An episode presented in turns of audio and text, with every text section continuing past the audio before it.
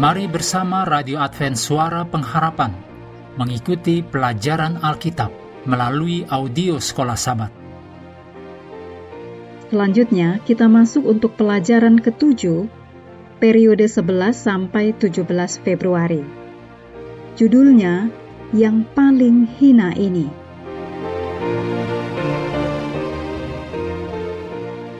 Mari kita mulai dengan doa singkat yang didasarkan dari Matius 25 ayat 45. Yesus menjawab mereka, Aku berkata kepadamu, sesungguhnya segala sesuatu yang tidak kamu lakukan untuk salah seorang dari yang paling hina ini, kamu tidak melakukannya juga untuk aku. Amin.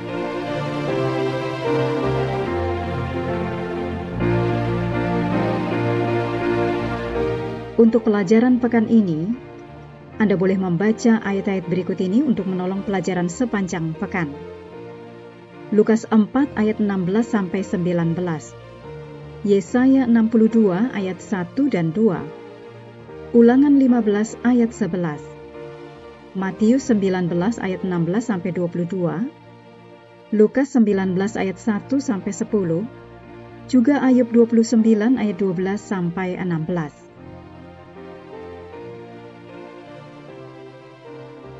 Ayat hafalan Matius 25 ayat 34 Dan raja itu akan berkata kepada mereka yang di sebelah kanannya, Mari, hai kamu yang diberkati oleh Bapakku, terimalah kerajaan yang telah disediakan bagimu sejak dunia dijadikan.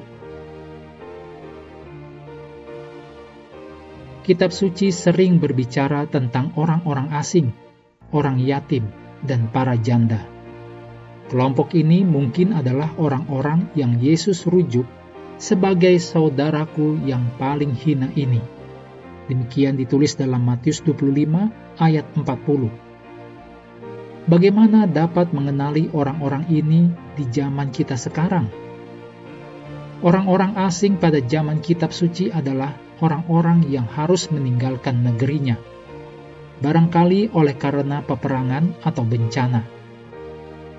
Pada zaman kita ini, mungkin mereka sama dengan jutaan orang pengungsi yang mencari perlindungan yang menjadi miskin oleh karena keadaan yang bukanlah pilihan mereka untuk berada di dalamnya. Para yatim adalah anak-anak yang kehilangan ayah mereka oleh karena perang, kecelakaan, atau penyakit Kelompok ini juga dapat termasuk mereka yang ayahnya dipenjara atau oleh karena hal lain atau tidak punya ayah. Satu ladang pelayanan yang luas terbentang untuk kelompok ini. Para janda adalah mereka yang kehilangan pasangan mereka karena hal-hal yang sama dengan mereka yang tidak punya ayah.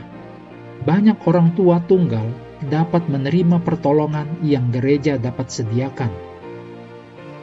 Sebagaimana yang akan kita lihat pekan ini, karena kita adalah pengelola pekerjaan Allah, menolong orang miskin itu bukan sekedar pilihan. Itu mengikuti teladan Yesus dan menuruti perintah-perintahnya. Kami terus mendorong Anda untuk mengambil waktu bersekutu dengan Tuhan setiap hari bersama dengan seluruh anggota keluarga. Baik melalui renungan harian, pelajaran sekolah sahabat, juga bacaan Alkitab sedunia percayalah kepada nabi-nabinya, yang untuk hari ini melanjutkan dari 2 Tawari pasal 27. Tuhan memberkati kita semua.